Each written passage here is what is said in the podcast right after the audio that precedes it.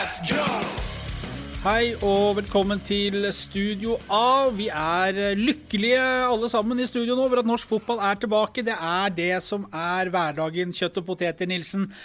Førstedivisjon, Eliteserien, og kommer snart andredivisjon. Og så må vi få i gang den forbaskede breddefotballen nå, så blir vi 100% fornøyd. Men herlighet, så deilig det er. Ja, det er, jeg syns det er helt nydelig. Og jeg, jeg kjenner bare på at det, nå var det full runde i Eliteserien i går, og så skal det spilles kamper i Obos-ligaen i dag, med Strømmen Bryne bl.a. Så er det Sandnes Ulf Ullkisa i morgen, og så er det ny runde på torsdag. Og, Og så er det søndag igjen. Ja, men jeg, men jeg kjenner bare at det, den gleden og, og det som norsk fotball gir meg, det blir bare sterkere og sterkere og sterkere. og jeg kjenner bare at avstanden til andre ligaer og ting som jeg var interessert i i, i barndommen min når jeg sto opp mandagsmorgen og jeg hørte postkassen gikk igjen og jeg visste at avisa lå der. For det var jo den måten du kunne lese resultater på. Så kunne jeg sjekke hvordan det hadde gått med Newcastle. Og, og, men jeg merker bare at det, det er norsk fotball. altså Det er, det er melk og brød for meg. Og for å kaste et uh, lys over dette, så har vi fått med Vi har fått med oss en gammel En gammel, gjest? en, ja, en gjest og en gammel kjenning. Kan du, eh, kan du si noen ord, så folk kan tippe hvem vi har med oss? Ja, det kan jeg godt si. Bjarne Berntsen, hjertelig velkommen til oss. Gjerne den som ser mest kamper av alle for tida. Å ja, akkurat. Så vi tar den, ja. Ja. Ydmykt inn som vanlig med deg. Ja da. Eh, ser kamper på både live og på TV som, som står etter. og var jo veldig overraska over introduksjonen din da du ikke nevnte HamKam. Jeg tenkte vi skulle vente litt, men siden du tar Siden jeg kommer her allerede på lørdag. Men Da vi kan jo ikke ta ut desserten og rosinen i pølsa i introen, Bjarne. Her skal vi bygge opp spenningen. Og så var det én ting til jeg reagerte på. En ting til, ja. Ja, det var Ja, at den, den, Kom med det. Ja, det var, det var den, den betegnelsen, det adjektivet du brukte på breddefotballen, den var jeg litt uenig i. For det Jo, men- skal jo være den fantastiske breddefotballen. Jo, men ikke altså den, med tanke på at den ikke får lov å komme i gang. Ja, Det er jeg enig i. Det er helt katastrofe. Berntsen er, som vi, Ja, som altså, vi hører, bare- påskrudd. Og nå sitter Bjarne her og har reagert på noen ting, og nå skal jeg få lov til å reagere på et par ting. Ja. Eh, registrerer at Bjarne Berntsen eh, bruker samme eh, påstand som når han ble ansatt i Viking i 2018, at han er den som ser mest fotball i dette landet. Eh, og så, før vi gikk inn i studio, så sa Bjarne Berntsen at han, nå måtte de få gang på denne lokalfotballen. Men det var ikke fordi at vi har ansatt han som ekspert i lokalfotballen. Det var ikke det første han tenkte på. Det var fordi han mangla én kamp for å få 650 for Figgjo. Så Bjarne Berntsen har fortsatt et håp, en drøm om at lokalfotballen skal komme i gang, sånn at han kan få et rundt tall. Ja, ikke minst da er jeg helt avhengig av at eh, alle keeperne som er på Figgen, er skada eller syke samtidig. Så det er den eneste sjansen jeg har. Er det kun mål du kan stå i nå? Ja, ja, jeg kan ikke bevege meg som en utespiller. Men to-tre treninger med Kurt Hege, så hadde du fått på hanskene, så hadde du vært good to go? Ja, ja, ja. Eh, Ikke to-tre. Én trening. Én trening, ja. Ja, er. Kurt, Kurt Hegge får jo alle til å bli eh, gode keepere, så det er ikke noe problem, det. Ja. Nei, han får det i form, han. Opp og gå. Nilsen, Han er jo vant med å jobbe med veteraner, Kurt, eh, så det er håp. vi har med Bjarne her. Ja, det har vi. Eh, vi har eh, eh, Vi må jo holde han i arbeid. Ja. Eh, og Bjarne har veldig mye kunnskap. Og som han sjøl sier, han følger jo veldig mye med. Det merker jo vi når han kommer på jobb her om morgenene. Han uh, har jo sett enhver pasning som er spilt i Europa eh, i løpet av helga. Ja. Så, så det er klart at eh, nå skal vi ha en podkast hvor vi skal snakke litt om norsk ball. Vi skal snakke litt om Viking og litt om de andre lagene. Vi skal snakke litt om Bryne og Sandnes Ulf. Og, og Bjarne Berntsen, som nå er eh, engasjert som Aftenblad sin lokalfotballekspert, han har fortsatt lønn i Viking ut dette året.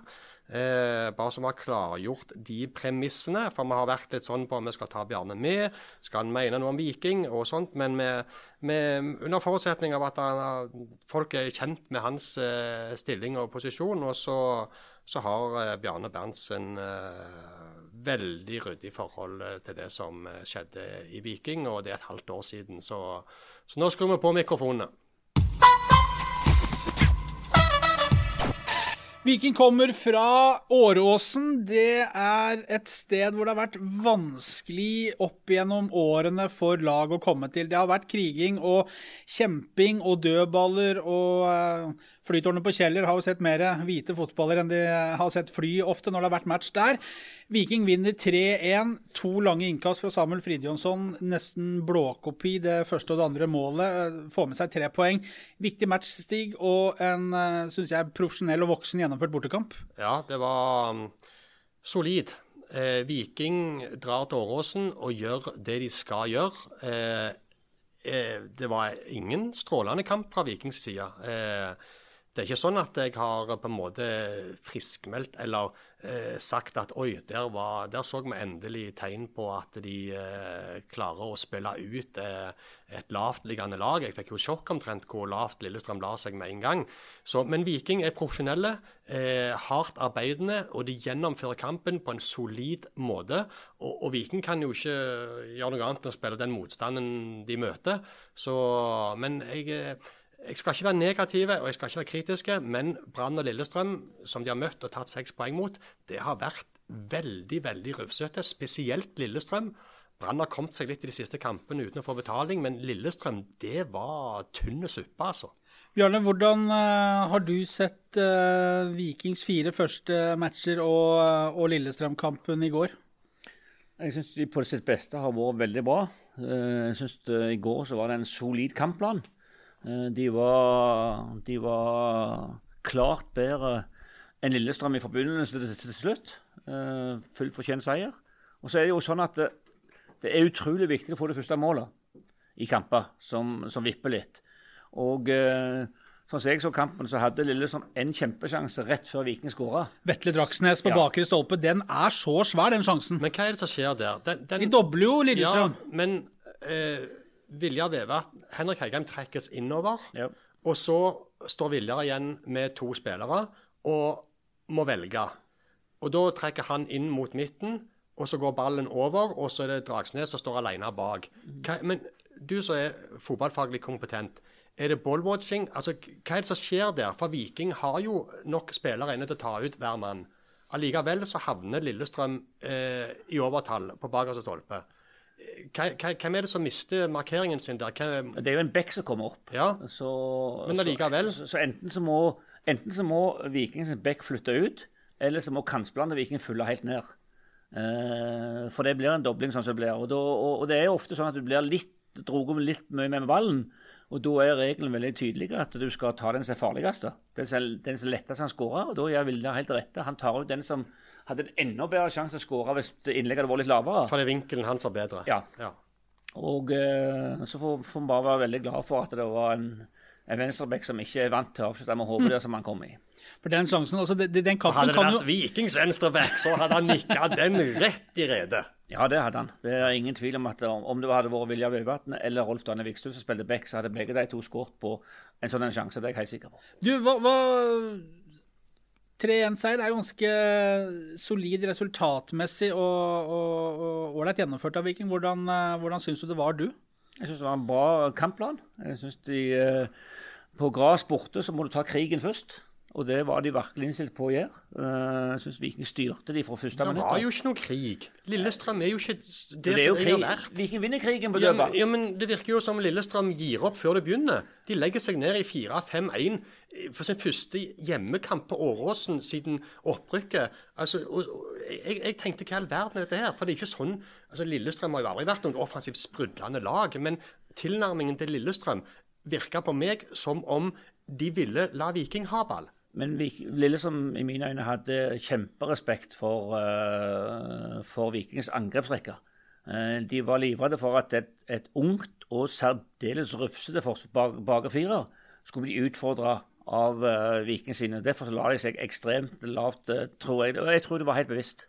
Men for Det første jeg tenkte var så jeg skrev melding til Kjetil etter to minutter. Det ser ut som Lillestrøm har eh, sett eh, Viking Tromsø opp og ned, og, og, at Lillestrøm nå hadde inntatt på en måte samme greiene som tilnærmingen som Tromsø hadde gjort. For det, Fyller opp bak og bare ligger og venter? Ja, for det, det var, jeg syns det var spesielt. Men jeg skjønner jo. Men eh, eh som trener, hvis du, hvis du er så redd for Vikings offensive artilleri, som jeg skjønner jo at lag er. Men det å ta så mye hensyn til en motstander kontra det å dyrke egne kvaliteter når du spiller på gress Jeg skulle til å si for en egen tilskuer, det gjorde du ikke da, selv om jeg hørte en knekt Sto noen knekt på, på terrassen der, ja. Men har du ikke litt i utgangspunktet da tapt litt allerede? Jo, jeg tror Lillestrøm var veldig prega av at de uh, tapte mot et lag som var dømt nord og ned av alle i første serierunde. 1-3 mot Godset. At de, og at de ble, uh, at de ble så uh, kledd av uh, i den kampen som de ble, mot et lag som var så ned, dømt nord og ned, det tror jeg påvirka òg Lillestrøm inngang til Vikingkampen. Så For det var utrolig forsiktig. Og det var rufsete. på- Det var på Marienlyst òg, det Lillestrøm-forsvaret gjorde eh, mot Strømsgodset. Ja, jeg er helt sikker på at eh, Morten og Bjarte og teamet hadde sett nøye på det og, og lagt opp til at her hadde de store muligheter til å vinne på, på bortebane mot, mot Lillestrøm igjen.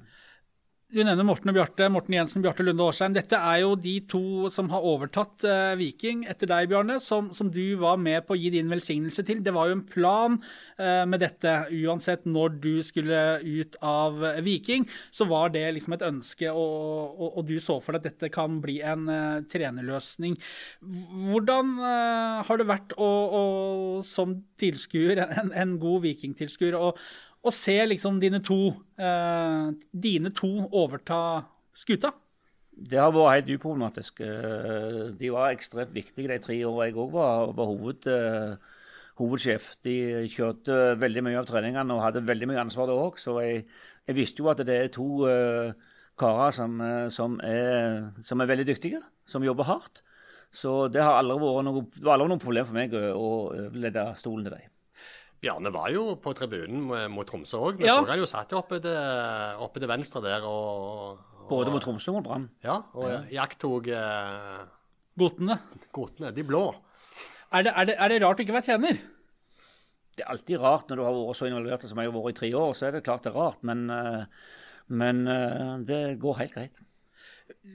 Det var altså 600 på Vikings kamper, og når eh, de syngende supporterne til Viking ikke, ikke er på stadion, så er det jo, det er jo litt stille. Så, så, så man får jo med seg eh, veldig mye av det som sies. Ja, Fæle meldinger fra han der kanarifuglen i går, altså. Han tok for seg Viking i to ganger 45, han også. Det var ikke måte på hvor dårlig han- Viking var. Nei, nei, det var mest på at jeg mente de spilte og la seg ned. Men eh, jeg syns han var mye tøffere mot sitt eget lag, som gjentatt meldinger på at eh, er det ikke på Åråsen vi er?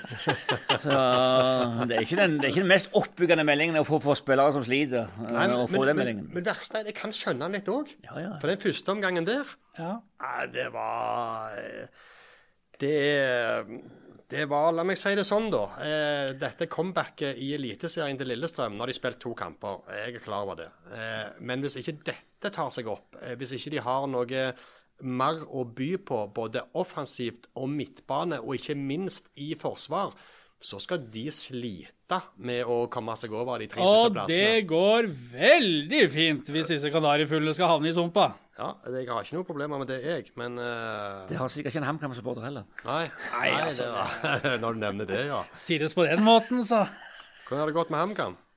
Du, det har gått eh, helt etter planen. Ja. Ja. Ja, det, hvis, du, hvis, hvis tabellen er slutt nå, så er jo HamKam oppe og Lillestrøm nede. Så det er veldig ufornøyd med. Det går veldig fint, det. Jeg har ingen problemer med det, faktisk.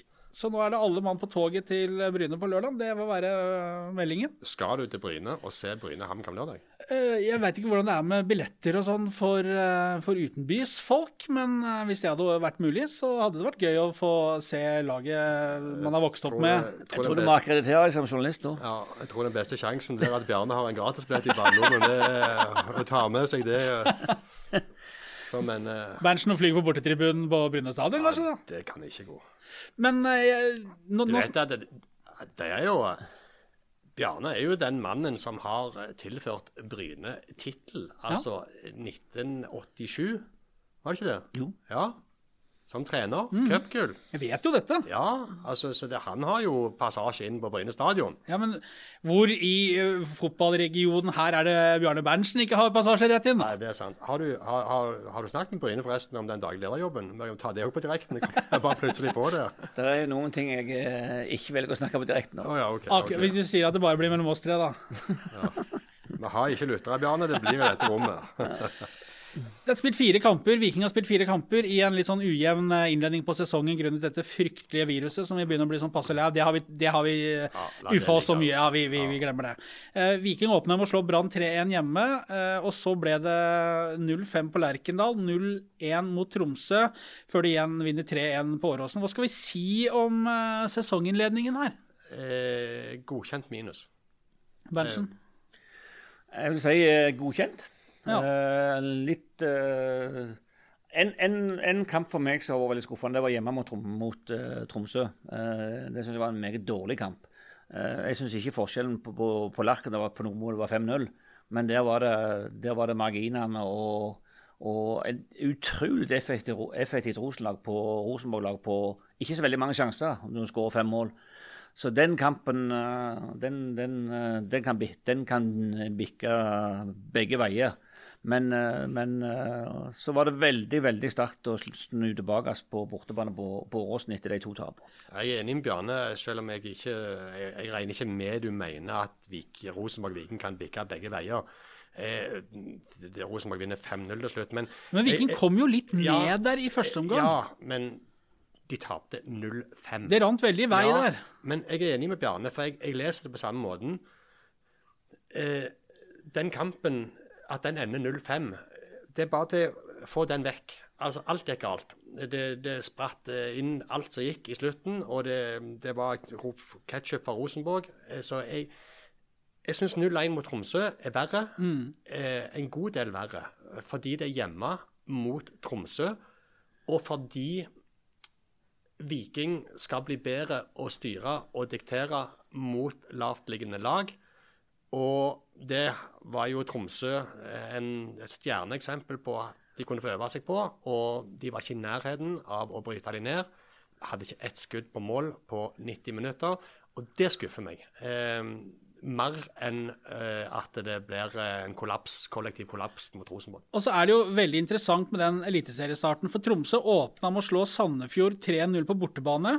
Så spiller de eh, uavgjort. Jeg slo ikke Tromsø Nei, det var nå i helga. Nei, det var Mjøndalen som slo Sandefjord. Tromsø åpna De uh, tapte for Glimt. Sånn var det. Og så spiller vel Altså 3-3 mot Molde. Sånn var det, helt riktig. Og så slår de Viking. To gode kamper før Viking. Ja, og så slår de Viking. Men så får de juling på hjemmebane av Sandefjord, som tapte hjemme for Mjøndalen i sin serieåpning. Nå kommer Mjøndalen til Stavanger. Mjøndalen som spilte 1-1 hjemme mot Vålerenga nå. Altså, det er Men dette er norsk fotball. Ja, det er Fordi i, i går så var Tromsø stor favoritt hjemme mot Sandefjord. Ja. Men Tromsø har brukt hele oppkjøringen sin og de første seriekampene til å møte bedre lag enn seg sjøl.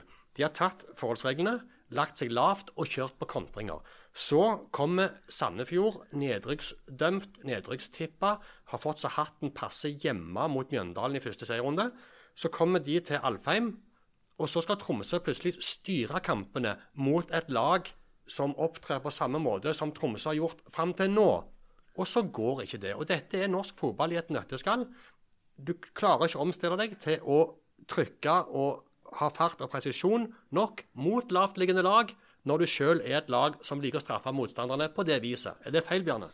Men det er veldig mye rett i det. For det at eh, og, og uansett hvem du spiller mot, om det er et lag du skal forvente dominere eller ikke, så, og det skjer både internasjonalt og det, og det skjer i Norge, så er det en tendens til at målene kommer på samme måten. Målene kommer etter at du klarer å straffe motparten når de er litt i ubalanse. Enten de ligger lavt, veldig lavt eller ligger høyt. Eller trykk på dødballer. Eller på trykk på dødballer. baller, ja. Ja.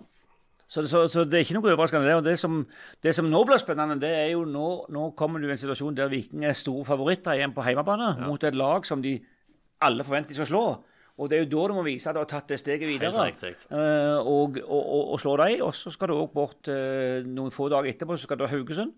Som har fått en, en litt sånn uh, det blir trådlig start med mye, med mye utsatte kamper og bare to spilte kamper der de ikke har skåret ennå. Og hadde òg en veldig dårlig opplevelse rett før når serien starta, når jeg var i Stavanger og ble grust av Viking i privatkampen. Så, så det, det, det er to kamper som der, der det blir store forventninger til at Viking skal vinne. Ja, og det, og det var det jeg skulle lede fram til. Eh, helt rett, som Bjarne sier. Mjøndalen nå på SR Bank Arena på torsdag. Altså, Mjøndalen eh, med Sebastian Sebulonsen. Eh, som spilte ikke nå. Nei, han kom inn, Kom inn eh, rett kom inn siste minuttene, Ja. men han spilte serieåpningen mot Sandefjord og på høyrebekken. Eh, men Mjøndalen de, var, altså de kunne fort hatt tre poeng mot Vålerenga. Eh, de, de brente straffespark og hadde klart flest sjanser. Og, så jeg eh, Og vi har sett Mjøndalen før på SR-Bank Arena, eh, hvor Viking har slitt med de. Eh, Røyker 0-2 i eh, førstedivisjonsåret. Ja, våren 2018, der når Ibrahim Ay bl.a. spilte i Mjøndalen og eh, satte et frispark i tverrleggeren ned, så vidt jeg husker. Andre forsøk må man ta, ja. Ja, Og så var det vel 4-1-seier i 19 og 1-1 i fjor. Tenkte Bjarne if you can't beat them, join them, så henta han uh, ulven. Så det var Men, uh, men uh, derfor er jeg helt enig.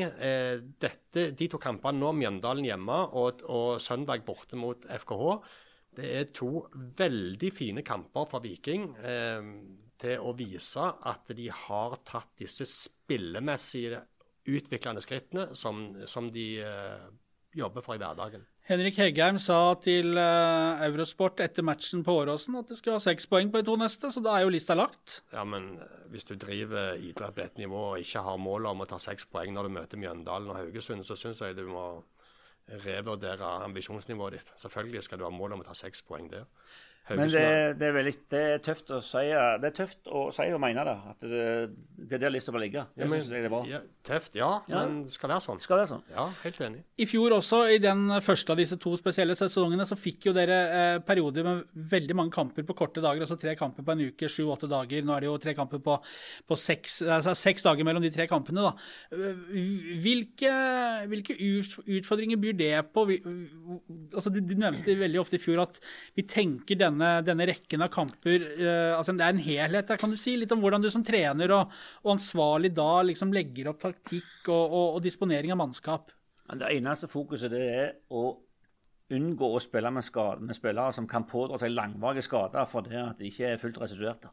Det det, det, det er ikke å spare eller rullere som er, som er hovedhendelsen. Hovedhendelsen er å prøve så godt du kan å unngå unødvendig lange skader på spillere som, som ikke burde ha spilt. Ikke drive rovdrift på potensielt de spillerne som du vet For det, for det, skal lide til på. det, det medisinske apparatet og det fysiske apparatet de vet nå så mye uh, om spillerne sine, sin, uh, sin form, at, uh, og de har så mye måleinstrumenter, slik at de, de, de, de vet uh, veldig godt hvem som gjerne bør, absolutt bør hvile nå for å spille 90 minutter. Ja, Det er selvfølgelig veldig gode argumenter. Det, men uh, Viking har jo et par spillere der i uh, Delanley og Bjørsol som ja, som jeg lurer på liksom Blir de satt for tidlig i gang igjen, eller har de bare kropper som pådrar seg lett skader? Det, for noe er det jo som skjer der. Bjørsol han eh, fikk jo seg en uh, smell uh, i eller etter Tromsø-kampen. Han gikk jo av etter 63 minutter der og trente alternativt forrige uke. Var ikke med uh, på Åråsen. Jan Erik Delanlé ble drilla som høyreback senest på fredagstreningen til Viking i, på Randaberg stadion. Fikk et eller annet som gjorde at han heller ikke var med til Åråsen. Tok ingen sjanser. I tillegg så forsvant Vilja Vevatnet ut med en smell rett før pause, så gikk av i pausen da, mot Lillestrøm. Og Løkberg satte ut en snublefot der eh, ute i andre omgang og fikk seg noe som så ut som en støtskade. Så fire litt sånn usikre i i troppen. Løkberg som ruller av banen der, og så han klarer ikke å stå på foten. Og mens han står på én fot på utsida av banen, så roper han inn til de andre på banen. Fride Jonsson. You go down the uh, defensive, I go in the ten. og, så, og så halter han inn på banen med én fot og stiller seg i tierrollen. Men det der når Løkberg Han gir seg ikke, han, for halve grovet. Nei, ikke på tørre møkka. Det minner meg egentlig litt om akkurat den situasjonen. Han, eh, han Lillesund-spilleren han skulle ikke forbi Løkberg, koste hva det koste ville. Det minner meg litt om et magisk øyeblikk i Mjøndalen i Jeg opprykkssesongen 2018. Rolf Daniel Vikstøl han bare meier ned Mjøndalen-spilleren. Det sto Han, om opprykk. han skulle ikke forbi. Nei, og det Vikstøl visste veldig godt hva som lå i potten, og tok det Karantene i kortet. siste kamp. Jo da, men, Ja da, men det, det- men det var potensielt så var det det som sikra opprykket. Det altså, kan- det, det- kan det ha vært det. Ja, ja. Så det og ellers, når vi snakker om uh, den blide sørlendingen, det var herlig å se han uh, tilbake på banen. Ja, det var det. Det De har jo etterlyst han ja, litt Det må være den mest perfekte squad-playeren som finnes. 32 år, alltid blid, sutrer ikke. Du kan sette han inn akkurat der du vil. Ikke akkurat der du vil, da, men i de posisjonene der. Og han, han leverer. og eh, Mot Lillestrøm så var han jo Jeg har alltid sagt du får en femmer av han på børsen uansett, og et Ja. gult kort. Det er det du gjør. Men eh, her var det syver og et gult kort, så det var Nei, Vikstøl er Det som jeg lurer på med sånne som han, som er perfekt å ha i en tropp Han er 32 år eh, og er i, Han har jo en ettårskontrakt nå i år. Altså, som trener så må det være litt vanskelig å rate og, og verdsette den type spillere når du skal vurdere ny kontrakt på dem. Eh, I forhold til alder. Eh, skal du slippe til de unge? Eh, hvor skal du legge deg på i nivået hans? Altså, Én ting er å hele veien holde på med ett og ett og ett år, men, men det, det kan ikke være en lett avveiing det der i forhold til den type spillere. Det er ikke lett. og det, Vi var jo oppe i en lignende situasjon eh, etter ett år, eh, etter mitt første år. Da hadde jo Claes Kronberg som kontrakten gikk ut på. Og var en veldig profesjonell spiller som alltid ga maksimalt. Men da var vurderingen at eh, når vi hadde bestemt oss for å hente, å, å hente hjem Sondre Bjørsol, eller hente, hente Sondre Bjørsol, ikke hente hjem, men hjem til Stavanger Når Sondre Bjørsol kom og vi visste at det var han vi ville satse på som høyreback, så var min vurdering da at det var unfair overfor Claes Kronberg å skrive en ny kontrakt med han. Og da var jeg åpen med han og sa det at så lenge jeg ikke, ikke anser deg som et klart førstevalg, så syns jeg det er rett at du skal gå her videre eh, med den kvaliteten som du har. Og, og Sånne ting må du gjøre av og til. når det gjelder, og Det er sikkert eh, samme diskusjon når jeg hadde samme diskusjon i fjor med, med Rolf Daniel, som gikk jo kontrakten ut i fjor. Så samme diskusjon, men han er, han er, han er et, et forbilde for alle spillere hvordan du skal opptre når du er både på og utenfor laget. Og, og det er en av årsakene til at det er så viktig å ha sånne spillere i en, i en skåtropp. Og så er du glad i hans uh, bidrag på, på offensive dødballer. Ja, han er ekstremt uh, tøff på offensive dødballer. Han uh, ofrer seg alltid, og han går i krigen uansett. Og det er viktig at du har spillere som går i krigen. Han skårte ett mål i 2018, ett mål i 2019, ett mål i 2020, og står allerede i debuten sin i 2021 med ett mål. Så Vikstøl, han er i rute. Snakka med Vikstøl etter den treningen eh, i Randaberg på fredag. fordi da, da var det jo litt pussig å se at Jan Erik Delanlé, som var venstreback mot Tromsø Så skal du lokke han litt utpå, du. Nei, men, men, men det handler jo om det. Hvordan er det som en, eh, en, en skadefri og kampklar spiller å se at Viking gjør den, så ut til å gjøre den type endringer som ville gjøre at han nok en gang var utenfor laget. Når han ser at Jan Erik Delanlé, som er en offensiv spiller, ja, han har erfaring med å spille back fra bl.a. blant annet tiden i Rosenborg, så sier Rolf Daniel at det der må du bare ta med trenerne. Jeg er klar. Jeg er eh, Hvis de trenger meg, så er jeg eh, klar. Det er bare å si fra. Og Jeg forholder meg profesjonelt og eh, lojalt til det. Og hvis trenerne ikke tar meg ut, så må det bety at jeg ikke er god nok. Da må jeg trene hardere. Og så skjønner jo alle at også Vikstøl gjør seg sine tanker når han kommer hjem og, lukker døra selvfølgelig om, om dette her. Men det er signalene han sender ut av. Det er ikke noe hyling og skriking i, i spaltene.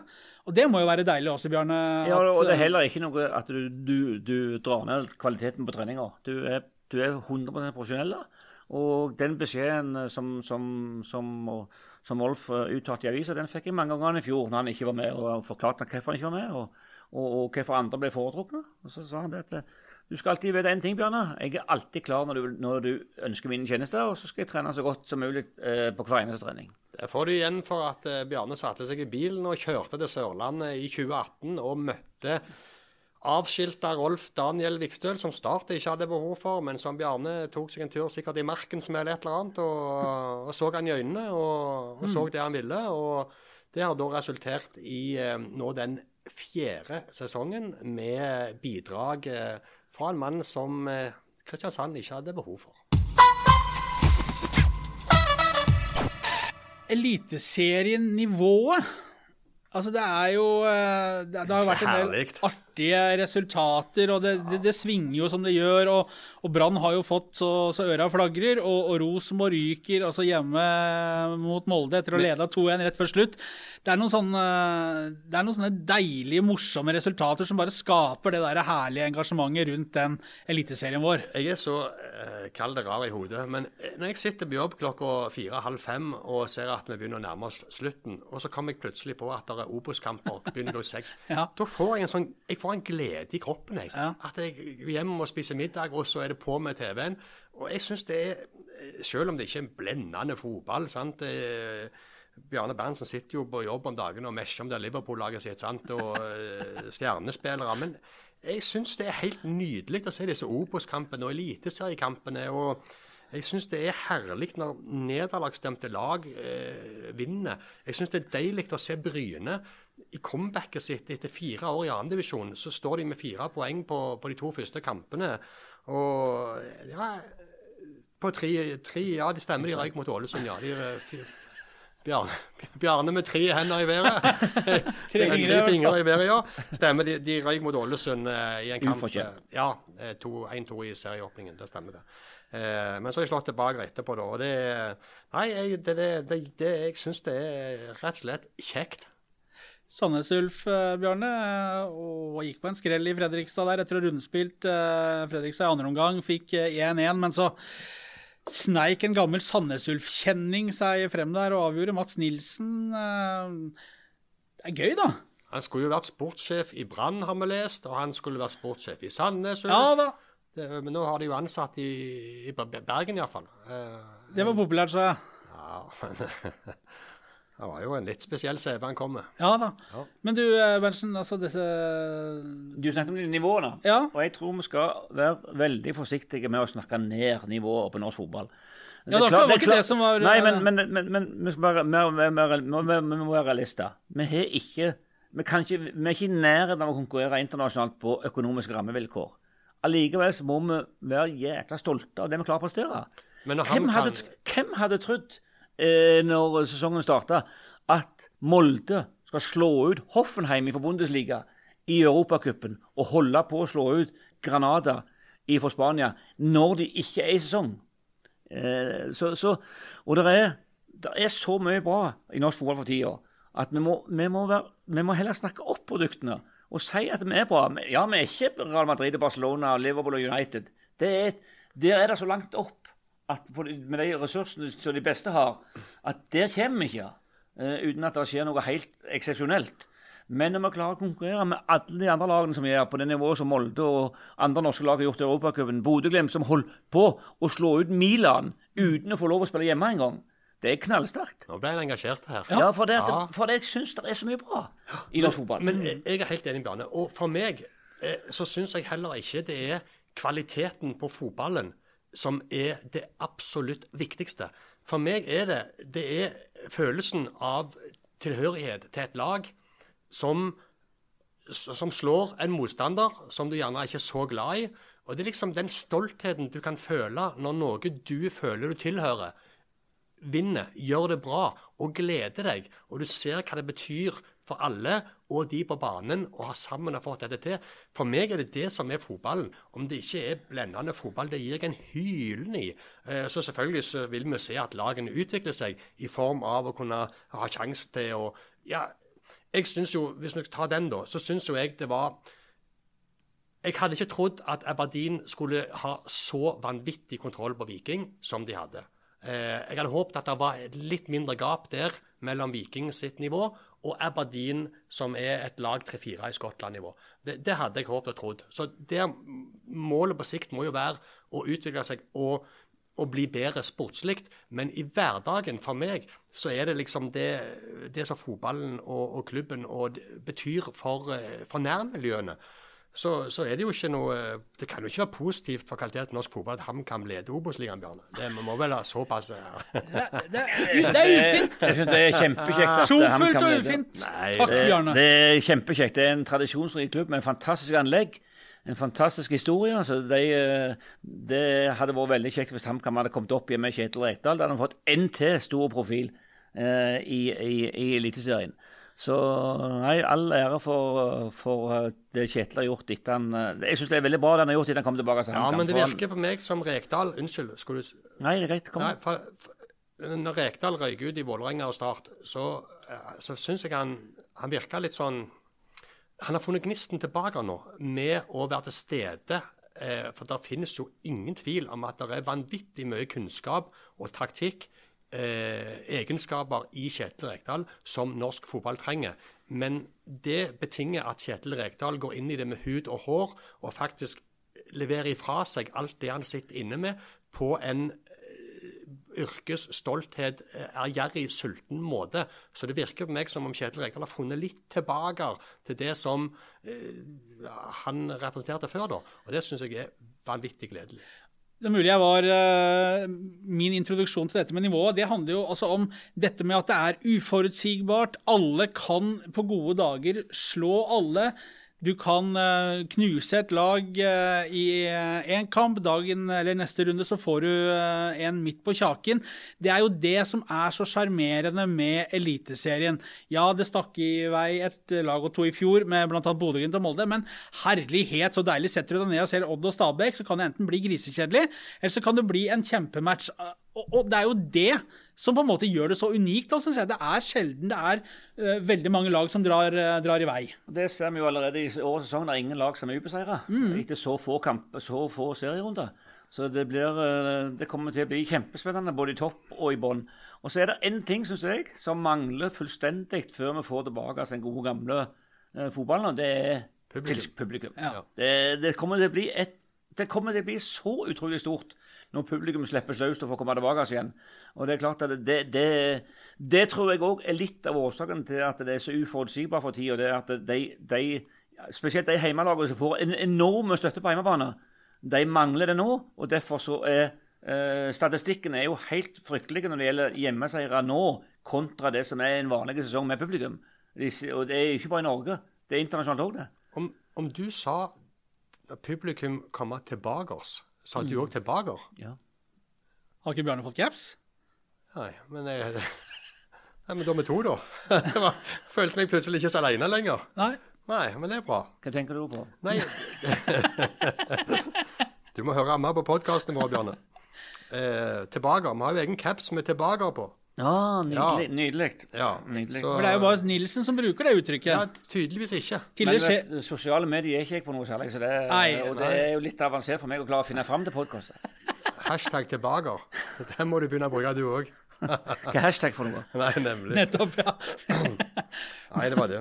Nå mista jeg litt tråden her. Jo, altså eh, Jeg må jo si Bodø-Glimt, da, som eh, har mista Sinkernager, Kasper Junker og, og Jens Petter Hauge, som forsvant halvveis i fjor. Eh, og, og hvis vi går enda et år tilbake, så mista de Lajoni og han Evjen, Håkon Evjen. Men de har altså i år satt inn nye spillere i samme posisjonene, de. Eh, Sørmo og, og Ola Solbakken, nå som er venstrekanten. Men de dundrer på videre syns jeg det òg altså, Jeg tror du mente Sørli, ikke Sørmo. Ja, Sørli, ja. unnskyld. fortsatt i Kristiansund, men Sørli det er riktig. Og Også ikke minst at de har klart å, det de har klart å få til med Botheim. Ja, på så kort tid som, som ikke bare, ikke bare i, Husk på, det var ikke bare i Rosenborg han ikke lykkes. Han var, han var i Stabæk i 15 kamper i fjor og skåret null mål. Ja. Og, og, har skåret, og har skåret i hver kamp nå. Om han var i Vikingfrågan? Nei. Han var ikke det? Han var i diskusjonen i 2018 som utlån ja. ifra, uh, ifra Rosenborg. Jeg har hørt han blitt nevnt men i den Det var nevnt så vidt, da, men, men, eh, det ble ikke noe av det. Ja, Så vidt jeg husker, så ville de tilby han på utlån uh, her til, var det ikke noe sånt? Jeg husker det, det, det, det, aldri, det aldri kom så langt om vi diskuterte spillere, men vi hadde diskutert navnet som en, en ung spiller når vi henta Leo Østigård ja. på, på lån, som var forsvarsspiller. Så diskuterte vi òg framover på banen hvem som kunne være aktuell. og Da var hans navn framme i diskusjonen, men det ble aldri noe konkret ut av det. For jeg så, tror han ikke hadde så veldig lyst til å gå til Obo sjøl. Så var det litt spesielt å se uh, Rosenborg-Molde i går òg. Ja. Det, det, var Ja, men liksom Molde nå med, med Erling Moe og Åge Hareide som har vært i Viking og leder 2-1 der. og så blir det 2-2, og så setter de pinadø inn 3-2 på, på, overtid der. Og det Jeg satt med litt sånn eh, Jeg visste ikke om det var kjekt å se om Rosenborg fikk seg en på tygga, eller når det var Molde så det kom til gode. Jeg vet ikke om Det var, var ikke så bra, det heller. Men eh, nei, jeg syns norsk fotball det, det, leverer, og jeg er helt enig med Bjarne. Knallsterke prestasjoner, Molde. Ja. Etter, å ha blitt, etter å ha blitt kjørt sånn som de gjorde sjansemessig i annen omgang, og snu det på slutten der med de byttene de gjorde. det. Og for Rosenborg sin del så er det jo altså motsatt fra Brannkampen, for da lå de jo under 2-1 og kom tilbake og tok det. Så og Ingebrigtsen ble Så du Åge Hareide når jeg fikk det spørsmålet fra reporteren til Eurosport etterpå, mm. om de hadde fått sin egen medisin? det er ikke sånn det er. Jeg bruker ikke medisin. men, eh, men, jeg syns jo også eh, Molde kommer selvfølgelig til å være der oppe. Bodø-Glimt ser jo faktisk også ut til at de, eh, de har stabla et slagkraftig ja. lag på beina også denne gangen. Men jeg står på, eller det vil si jeg står ikke på, for jeg har sagt det før, men eh, selv om Rosenborg kjørte de gode deler av baneomgangen, så syns jeg jeg ser et mye høyere potensial i det Molde-laget. Det, det syns jeg. Hva syns du om uh, Rolex-kameratene på Oslo øst? Berntsen? Du er jo glad i litt bling og litt sånn å vise seg fram og jålete. Og... Den store skuffelsen hittil, prestasjonsmessig og poengmessig. Og jeg tror ikke det er noen spesielt god reklame for, for dem før de har prestert noe og så fram som Rolex-guttene, alle tre der framme. Jeg vet hvordan det tenner andre klubber som skal spille mot dem. Uh, og så nå nå blir det en skikkelig test for Dag Eile Fagermo. For, for, det er nå han skal begynne å vise. For det er nå han sagt at han har et godt nok lag til å kjempe i toppen. Ikke bare ligge og vake uh, i et sånn, sånn ingenmannsland. Så nå blir den store, store testen uh, for han òg. Eh, når han endelig har fått sin drøm oppfylt om å, å, trene en av de store klubbene i Norge. Ja, og det, det er et veldig godt poeng. fordi det å trene Odd, eh, hvor de eh, tar bølgen over hele Telemark eh, for en tredje-fjerdeplass, eh, og får jobbe i fred i så mange år, eh, hvor du har på en måte en nokså lojal spillergruppe eh, bestående av typer som ikke tar den plassen. Det å komme nå til Vålerenga med de forventningene etter så mange års skuffelser i hovedstaden, med et lag som ligger i dvale, de bare venter på skal få endelig komme seg opp i toppen, å ha den type spillere som tar den plassen og den oppmerksomheten, og har det, den egosentriske oppførselen, eh, og har de prislappene som de har De snakkes om enorme summer til utlandet. De henter Laioni for, for store penger. Og det å hanskes med denne type spillere i et kollektiv som tross alt det handler om når Fagermo skal sette dette sammen, det er en totalt annerledes verden enn den han har gått rundt i oppe i Skien. Ja, det er jeg helt enig i. Og så, så, så, kan vi godt si at du er god, du kompis med spillerne, og du har et spesielt forhold til Aron Dønnum. Men når en spiller eh, roper 'hold kjeft' til treneren ifra, ifra sidelinja, og, og, det er liksom helt det, det, ikke blir påpekt i det hele tatt, så sier det litt om de utfordringene som det er å, å lede i sånne prestasjonsgrupper som Vålerenga har. Men tror du Én ting er jo hva de sier utad. At de klemmer hverandre og sier og forteller hverandre hvor glad de er hverandre. sant? Men, Elsker hverandre, hørte jeg. Ja, men, men når de kom inn i, på tomannshånd eh, etterpå, når det ikke er mikrofoner fra TV-kanalen der, og når det ikke er noen andre som hører på dem, tror du at den klemmen er like hjertens da, eller tror du Fagermo Hvis jeg som sjef hadde blitt bedt av en kollega for åpen scene om å holde kjeft, så kan det godt være at jeg hadde glatta over det, men for ikke å lage noe mer oppstyr der og da. Men du kan jo ikke la sånt passere. For hvordan skal Fagermo klare å holde justisen i den gruppa etterpå, hvis det er spillerne som skal gi sånne type meldinger? Ja, det, han har helt sikkert takla det på en helt annen måte internt etterpå. eller det som det kunne virke ut at. Det, det, det, er, det er nødt for, for å opprettholde autoriteten sin. Og ikke minst, hvis andre spillere skulle gi det samme, så, så kan han ikke behandle dem forskjellig. Nei. Så nei, det kan på. Han kan jo ikke åpne den døra. Nei, nei. den kan jeg ikke åpne. Men, men, når du hører det, og det er jo det som er jo men, er men, si det.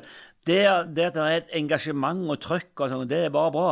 Uh, og det liker vi uh, som trenere.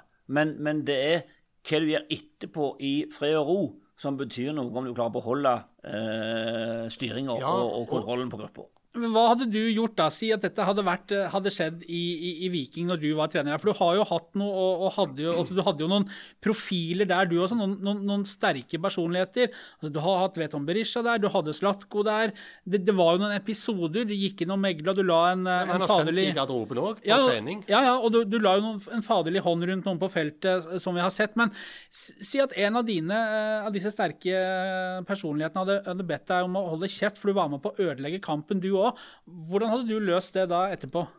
en god, en, en god og lang samtale med å for, fortelle hva som er akseptabelt og ikke. Men, men, men du, du, tar ikke det i garderoben så alle hører det da, og, og leser teksten eh, med høy stemme? Du, du kaller den inn på tomannshånd, liksom? Ja, så gir du òg klar beskjed til, til en samla spillergruppe etterpå hva som skjer. Egentlig har uh, samtalen har skjedd uh, bak fire vegger. Ja, men det, det er du nødt til. For, for hvis ikke spillergrupper får vite at du som sjef har tatt tak i det, så har du åpna ei dør som du ikke skal, og du har på en måte akseptert noe som ikke skal aksepteres. Og det må du jo formidle. Én eh, ting er at jeg er helt enig i det rette måten å gjøre det på. Først på tomannshånd den det gjelder, og så i plenum etterpå. Sånn at alle de andre skjønner at den som sa det, har fått seg en skrape. Denne Dønnum som vi alle ble så glad i etter at han hånklappa til Adrian Pereira etter at han mista en ball utover sidelinja i Var ikke det 4-0-seieren på Intility for to år siden? Jeg husker ikke hvor tid det var, men jeg husker jeg reagerte kolossalt eh, mot Dønnum på det. For det, ja, det, det var så ufordragelig. fullstendig respektløst for en ung og, og seriøs spiller som, som Adrian Pereira. Ja, men sånn er det. Dønnum var ett år på Hamar. Så var det gjort. Den, altså, den historien er så gammel nå. Den kommer hver gang. Nei, men det, men det jeg syns er en interessant diskusjon. Mm. Fordi det er mekanismer som, som påvirker totaliteten i det du skal prestere. Og det som Bjarne sier, det er en helt annen forutsetning, eh, helt annen hverdag eh, og mekanismer som, som nå er rundt Vålerenga. Altså det, nei, det er spennende. og det er, Vi tror jo på at Vålerenga skal bli topplag hvert år. Eh, og så eh. ja, Det er jo det laget de siste årene som har underprestert mest ut fra forutsetninger. Det er hovedsatslaget også. De, de, har ikke fått med seg veldig mye. Nei, eh, de, og heller ikke Brann. Nå var vi høyt oppe i den forrige podkasten hvor de fikk det alt som var i Bergen. og så ble vi vel litt rolige da etter de to neste til Viking. Så... Ja, droppa podkast, ja, jeg droppa det. men, men, men, Bjarne, altså dette er jo eh, Vi snakker om det som skjer i Vålerenga, men det er jo på sett og vis litt overførbart også til Viking nå. For nå har Viking en, en, en veldig spennende stall. Det er veldig store profiler der. Kristoffer Løkberg, Slatko Tripic, Samuel Fridjonsson, Veton Berisha, Jan Erik Delanlé. Men han er liksom en annen, kanskje en litt annen type, hva vet jeg. Eh, og Morten Jensen og, og Bjarte Lunde Årsheim som skal inn nå, har ikke én foran seg med den autoriteten som, som, du hadde etter å ha levd hele ditt voksne liv i, i toppfotballen, da, eh, i ulike roller. Hvordan er det å hanskes med en spillergruppe, tror du, sett hvis du skal ta på deg eh, deres briller? Det tror jeg går helt fint. for at... Uh Bjarte er veldig rutinert. Han har vært med lenge, både som spiller og, og begynt å få en, en, en veldig mange år som trener. Uh, Morten er litt ferskere, men han har også veldig spennende egenskaper. Så det, jeg er veldig trygg på at de håndterer det på en, på en, god måte. Men som alle andre trenere så er de avhengig av å få resultater få grupper med seg og over, tid. Og, uh, og, men, men, det er ingen tvil om at utgangspunktet nå er veldig bra. For det er den sterkeste spillerstallen som Viking har hatt på mange, mange år. Hvordan tror du uh, Kåre Ingebrigtsen uh, har det i Bergen, da? Hvis vi først skal snakke litt om andre ting, og det, det bør vi gjøre, uh, i og med at Viking er en del av en eliteserie, og, og Brann ligger som Svett an! Ja, minus 10-11 mål og, og, og, null poeng etter så mange kamper. fem kamper. Ja, Hadde Brann fortsatt sånn som de gjorde i serien mot Viking, så hadde jeg blitt utrolig bekymra på deres vegne. For jeg syns det var syltynt. Og en kombinasjon av at Viking var veldig god og at Brann var elendige i den kampen. Uh, men null poeng etter fem kamper er ikke tilfeldig.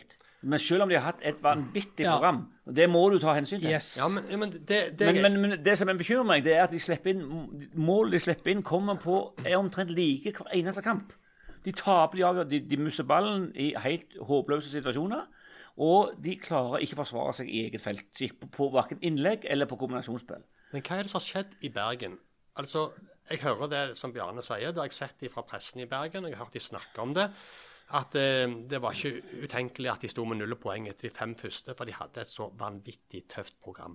Men hva er det som har skjedd i Bergen og med Brann, som gjør at Brann skal se på fem motstandere i Eliteserien som så vanskelig at det nesten er akseptert at de skal stå med null poeng etter fem kamper. Hva i verden er det som har skjedd der oppe? Det er fordi de har klart å snakke ned produktet sitt. De har klart å snakke ned som at det er veldig ungt, og det er en helt ny strategi. Og, sånt, og det, jeg ser ikke den strategien. Jeg syns ikke det er så veldig ungt i forhold til andre lag. Og, og, det, så, så, jeg mener at Brann har klart å snakke seg ned på en måte som er veldig farlig. For når du snakker deg ned sånn som du har gjort der, så aksepterer du tapet mye lettere Helt enn riktig. om du hadde Helt sagt riktig. at her skal vi være med å kjempe. Det er ingen grunn til at vi ikke skal være med å kjempe blant de beste. Nei, helt enig. Og jeg, jeg sto og hørte på hun daglig leder Vibeke Johansen i, i går, og måten hun omtaler Brann på nå Altså, Brann er et av Norges største lag skal alltid være, som jeg alltid har sagt med Viking òg, den der nedsnakkinga og det der han prøver å pakke ting inn, at vi er i en prosess, vi er i en omstilling, vi vet det kommer til å ta tid. Altså, ja, men når du legger den hånden over laget og klubben din, så får du veldig ofte prestasjoner som står i stil med der du har lagt lista. For den dagen du aksepterer at vi taper en kamp, ja, men da kan du ta deg F på at de taper den neste kampen. Og det er et eller annet Jeg er helt enig i at sneker seg inn i en sånn greie. Ikke det at det bekymrer meg så veldig hva som skjer oppe i Bergen, men de mekanismene der, og den der å godta at det skal være sånn fordi dere har lagd et styredokument på at vi er i en omstillingsfase som vil ta tid, så gjør det noe med ei prestasjonsgruppe som jeg ikke liker. Det synes jeg er en god konklusjon ja. på Eliteserien. Så må vi jo ja. på den andre. Du, du vil snakke førstedivisjon nå? Ja, du vil også snakke førstedivisjon. Ja, altså førstedivisjon kan vi godt snakke. Det er jo uh... Ja, Er det Sandnes Ulf og Bryne vi tenker da på? Ja, da tenker vi hovedsakelig på de, og så ja. litt uh, Raufoss, Men det første du gjorde når vi ansatte deg her for tre-fire år siden, så viste jeg deg Her er kontoret ditt, Kjetil. Her skal du sitte. Det første du gjorde, var å henge opp et lagbilde av Storhamar og så hang det opp et grønt, svært HamKam-skjerf over hele kontoret ditt. Eh, HamKam-skjerfet henger der fortsatt. Og jeg hørte hva du sa til Bjarne i morges. At skulle, han kunne få låne det mot Bryne på lørdag. Du må jo leve på tidenes opptur nå. Når, når, ble vi liksom enige om at i dag var det jeg som skulle slepes? Jeg og Bjarne snakket om det før vi gikk inn, at ja. uh, i dag skulle du få bitte litt. Ja. Nei, men det er greit. Ja, jeg uh, Altså, dette HamKam-flagg Det er ikke et skjevt, det er et flagg. det hang jeg opp rett og slett for å få liksom bare kontakten, holde kontakten med røttene der hjemme, så jeg ikke glemmer liksom hvor jeg kommer fra. Og så syns jeg grønt er, det er en ålreit farge i kontorlokalet her. Passer ålreit. Og det Storhamar-greiene det var vel eh, som eh, et lite svar på at noen hadde hengt opp et bilde av Return og Oilers på min kontorplass. Så det var bare for å balansere. Vi vil jo ønske deg velkommen. Det er nye ja, hverdagen, det. Det er hyggelig, det. Ja. HamKam og, og Briskeby. Ja. Det, det, er en fantastisk plass. Det var, har du vært, Bjarne. Jeg glemmer aldri den. Det var jo tross alt den plassen jeg skåret mitt første mål som som toppspiller på. på Hvor var det du debuterte? Jeg debuterte i, Stav på, i Stavanger stadion, ja. mot Moss. Men det, det, det første målet det skåret jeg borte mot HamKam på straffe. straffe. Ja. Alle skårte der. Nei, det var ikke så mange skåret. Overhodet ikke. Når de spilte hjemme igjen. Hjemme igjen, ja. ja. Til Ja, Det klubbhuset bak der nå, det skal rives. Det har jo stått på overtid nå i 35 år. Ja. Så det skal rive det. Så Jan blir jo en litt annen betydning. Men det er jo også en av Men Det var jo hele Hamar i karantene da, så det ble jo ikke revet på en stund. Nei, det, der skjer ikke noe på en stund. Ja. Men det er jo også en av de eh, arenaene i Norge vel, som har eh, to ulike stadioner i én stadion. Ja. For den gamle hovedtribunen står jo fortsatt, Bjørn, Den har jo du spilt foran. Og den eh, halve stadion er helt ny. Jeg har kun vært på Jet-turneringen på Briskeby. Ja, og det er turnering, det. HamKam har aldri spilt i den divisjonen på de lagene som jeg dekker. Så det, så det var Rune Holta i Vikingskipet på Speedway på Hamar, og så var det Jet-turneringen. Det er noen hockeykamper. Det, og en liten tur kanskje på Stadgården for en kaffekopp litt på kvelden der. Ja, du måtte se om altså, det, blir, det, blir, kjekt når HamKam kommer til Bryne, og det blir, eh, og det blir kjekt når Sandnes har neste kamp igjen. For de har spilt to kamper der de har torsdag mot Ullkisa, de. Ja. det er en sånn must win-kamp. Ja. ja. Hvorfor er det det? Fordi at de har spilt veldig gode omganger og står med null poeng. Og har store ambisjoner om å, å, å kjempe om opprykk. Og Da er du nødt for å slå lag som Ullkisa hjemme. Men hvis du hadde vært trener i Sandnes Ulf, og vi hadde kommet til deg som journalist og sagt at det er torsdag, så er det en must win-kamp, Bjarne, hva hadde du svart da? Da hadde jeg svart, at, hadde jeg svart som trener, ikke som uh, i den rollen. Da Det finnes ikke noen must win-kamper. da hadde jeg, da Hvis vi får en god prestasjon, eh, så får vi ta de poengene vi får. Ja. Men det viktigste er at vi ser utvikling og en god prestasjon. Nei, det Ja, viktigste det er must win, det er sånn dere i pressen snakker om. Ja. Det er ingenting som er must. Dette, sånn dette er fotball. Da er det ikke noe must. Nei. Det som er mest, er at vi må få vekk koronaen. Sånn hadde du svart, sant? Ja, ja, ja. Og at det, det er, ingenting er et must før etter, 20, etter 30 kamper. eller hvor mange mange du spiller. 26 eller 28 eller hva det er. Men så mange ganger Nå kan vi jo si det til deg, da, for nå er vi her og er jo på, delvis på samme siden av bordet. Mange ganger så kom jeg hjem og rista litt på huet. Ah, Bjarne sier sånn, og Bjarne sier det. Men selvfølgelig helt bevisst strategi. Ja, Det er det. Rart med Det det. er, for, det, er jo, det er jo en strategi for at du skal verne spillere, og for at spillerne skal være best mulig forberedt til å vinne neste kamp. Og ta av et, et, et eventuelt unødvendig press. Og så vet jo alle hva press det er. Når du har fire kamper igjen i Obos-ligaen, og du ligger fire poeng bak, sånn som jeg gjorde i 2018, så vet jo alle hvor presset ligger henne. Da, da nytter det ikke å snakke ekstra om det, for da blir det enda verre. Det det. Så du må, da må du prøve å ha de mekanismene som, som du har lært deg etter så mange år, for å ta vekk det unødvendige presset som, som er på sånne ting. Men Sandnes Ulf, da, som eh, kvitter seg med Grødem rett før seriestart. Nå har de fått inn Ja, Michael Grødem, ja. 28 mål. De tok først Ja. Kent Over Eriksen med sine 14 i Ja. fjor, og så Grødem med sine 14. Så de har tatt vekk 28 mål fra fjorårssesongen. ja, inn med Baidu fra Gjerdar. Han eh, ser ut som er fotballspiller. Ja, han eh, så i den omgangen mot Fredrikstad, og han likte jeg. Det satt jeg òg og tenkte på. Ja. Jøss, det var Jeg skjønner at de har lagt en million halvannen på bordet for han. eh, At han har fått lov å spille i Jerv, eh, det eh, Ja, det jeg har sett han i én omgang, da, men du ser jo av og til ting litt fort. da. Det virker som en fotballspiller, Bjørn, eller hva syns du? Det er en veldig spennende spiller, og så tror jeg han har spilt i Jerv såpass lenge fordi at han har vært en midtbanespiller som ikke har vært kjent for å produsere så veldig mye mål og målpoeng. Det er jo der det store forbedringen må være på sånne spillere som han. Han er en fantastisk spennende spiller, men det må, sluttproduktet må opp. Ja, men så, han, så ut som han hadde det i seg. Ja, Enda det jeg mot enda Ulf. skuddforsøket mot, borte mot Fredrikstad. Det Nei, lukta vel ikke målpoeng, poeng, sa Bjarne. Eh, og da regner jeg Mål og målpoeng. Ja, målgivende syns jeg han ser ut som han har god del målgivende i seg. Ja, det er mer målgivende enn mål, men, Ja. eh, men det har ikke vært nok uh, til å friste de store klubbene i, i, i Norge. For, for ferdighetsmessig, tempomessig, som fotballspiller er han veldig spennende.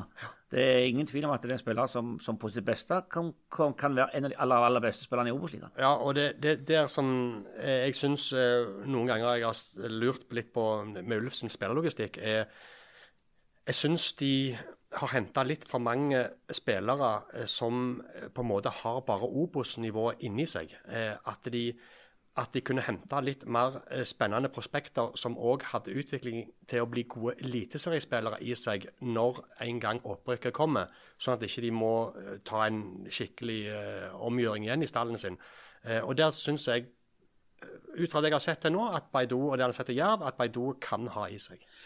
Bryne også, den, den 5-2-seieren hjemme mot Ranheim, den er fryktelig, den er fryktelig sterk, den altså. Ja, det, det er kjekt å se Bryne. Nå, det, jeg, jeg, så noe, jeg så sett en del kamper av Bryne. Vi var jo dekte de mot eh, Vard Haugesund på eh, Åsebøen. Åsebøen, ja, i, i Kopervik. Og jeg, jeg, jeg synes de, altså, de har jo ikke forsterka så vanvittig heller, det er to-tre spillere.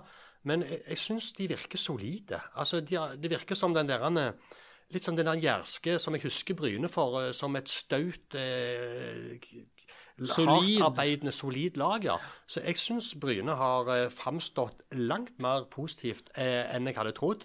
Eh, så Ranheim er nok ikke så sterke som, Nei. eh, som eh, forventa. Men, eh, men mot Ålesund òg. Altså eh, så jeg, Ja, Bryne, de eh, jeg, Og det ser ikke heller ut som det er bare en sånn opprykksenergibølge. sant? Det, det virker som de har funnet tilbake til, til det som Bryne var eh, i de beste dagene sine. Jeg syns Bryne ser ut som et veldig uh, hardtarbeidende kollektiv med en veldig tydelig stil, både med og uten ball. Eh, og Det er jo det som Jan Halvor, Halvorsen er kjent for. Han er veldig tro mot det han, sånn han ønsker å opptre. og det, Med det laget de har nå, så passer det veldig godt, for de, er et, et meget sterkt kontringslag.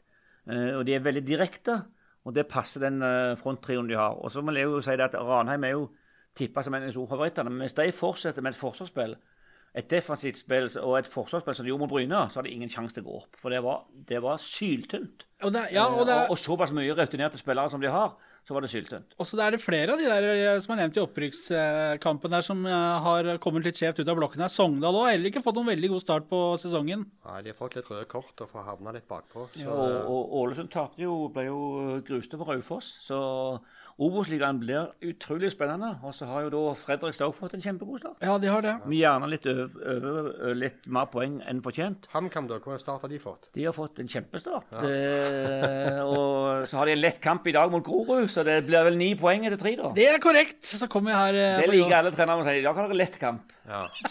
Og da vet alle at det blir det stikk motsatte. Da blir det null poeng på Briskeby i kveld. Nei, det blir poeng, men så skal det blir ikke null poeng på Briskeby. Nei, altså, noen vil jo få. Ja. Mulig alle skal få òg. Begge.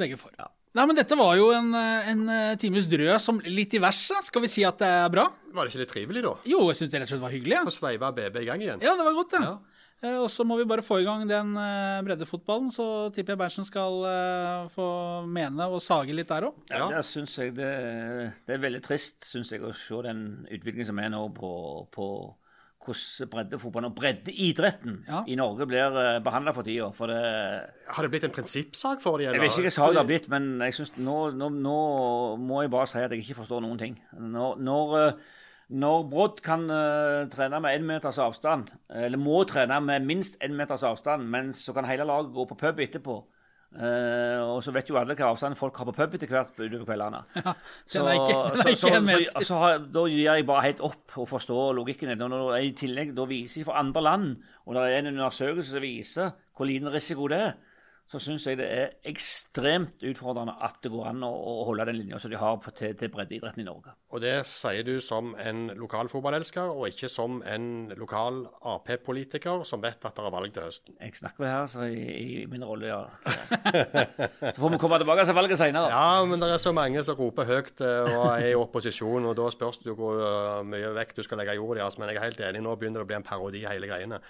Det, jeg klarer ikke jeg, klarer... syns så utrolig synd om de spillerne som ja. holdt på i over et år nå og trent og trent og trent, som ikke kom i gang. Ja, det, det, er helt utrolig. Jeg kan skjønne, jeg kan skjønne For disse spillerne i lokalfotballen så er det å komme på trening det å sette seg inn i garderobe og bytte og prate litt skit med han på setet ved siden av og dra noen historier og skrøner fra det du har gjort i helga, jeg kan skjønne at å samle 26 stykker i de små garderobeanleggene som ofte er rundt i lokalfotballen, jeg kan se at det ikke er det mest gunstige. Men at disse kan komme ferdig skifta i ja, bilene sine og få lov å trene fotball utendørs og forberede seg til en sesong som sannsynligvis kommer i gang i august, det klarer jeg ikke å se at de ikke skal få lov til. Men ja, for, for, det har jo også toppfotballen eh, vært underlagt også i den strengeste protokollen sin, at det kommer i ferdig skifta, garderobene er stengt, og så drar de hjem eh, hvert til sitt alene etter trening. Men det også er jo rart. Eh, det var en periode her i, i, i vår hvor det var ganske strengt igjen. De stengte garderobene. Men spillerne da kom hver for seg på trening, en annen inngang enn tidligere. De hoppa over reklameskiltene. Så skifta de.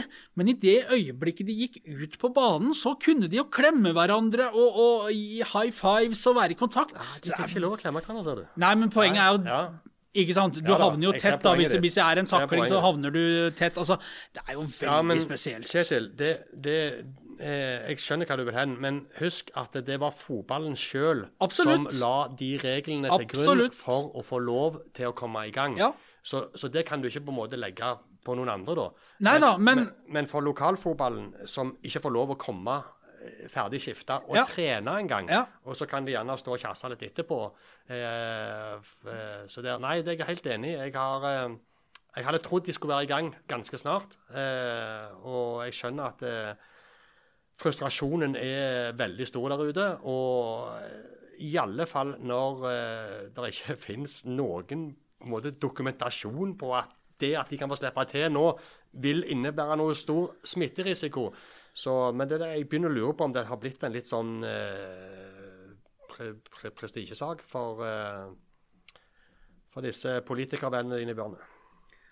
Vi får stole på at de som har greie på det, tar de rette avgjørelsene, og eh, at eh, det åpnes opp så fort som mulig for hvis det så snart det Men nå er det jo opprørstendenser der ute. Nå er det, nå er det Ja. sånn oppfordring til ulydighet, og at eh, de bare minner om at husk, dette er anbefalinger. Så går de ut og sier fra forbundshold at det ikke vil bli bøter eller sanksjoner hvis de begynner å trene. Så det virker som det er et, eh, et lite opprør på gang, eh, at eh, noen har fått nok. Så, så får vi det, så får vi se hva det blir til. Det er jo ofte sånn at når du føler deg ekstremt urettferdig behandla, så sier du av og til at nok er nok. Så er spørsmålet om en pandemi som rir verden, er anledningen du skal utfordre. Det er jo det som er, Og der, ligger i bånn. og der syns jeg at eh, breddeidretten har vist den ekstreme lojaliteten nå i, helt siden de starta opp, og forståelse for at, eh, at eh, vi har blitt ramma. Men når det, når det er i gang i så mange andre land, og ikke i Norge, og de, og de skylder på ja, men så ser du ikke hvor mye, så smitte det er i andre land, så er ingen, så er det ingen som kan dokumentere at smitten kommer ifra der det er breddeidrett. Det må jo være en sammenheng mellom årsak og, og, det har altså. Men vi krysser fingrene for at lokalfotballen er i gang så snart som mulig. Så Bjarne får sin 650. kamp for Figgjo. Det kommer ikke til å skje, dessverre. Altså, så jeg, skal være realist der og si at han er ikke god nok lenger.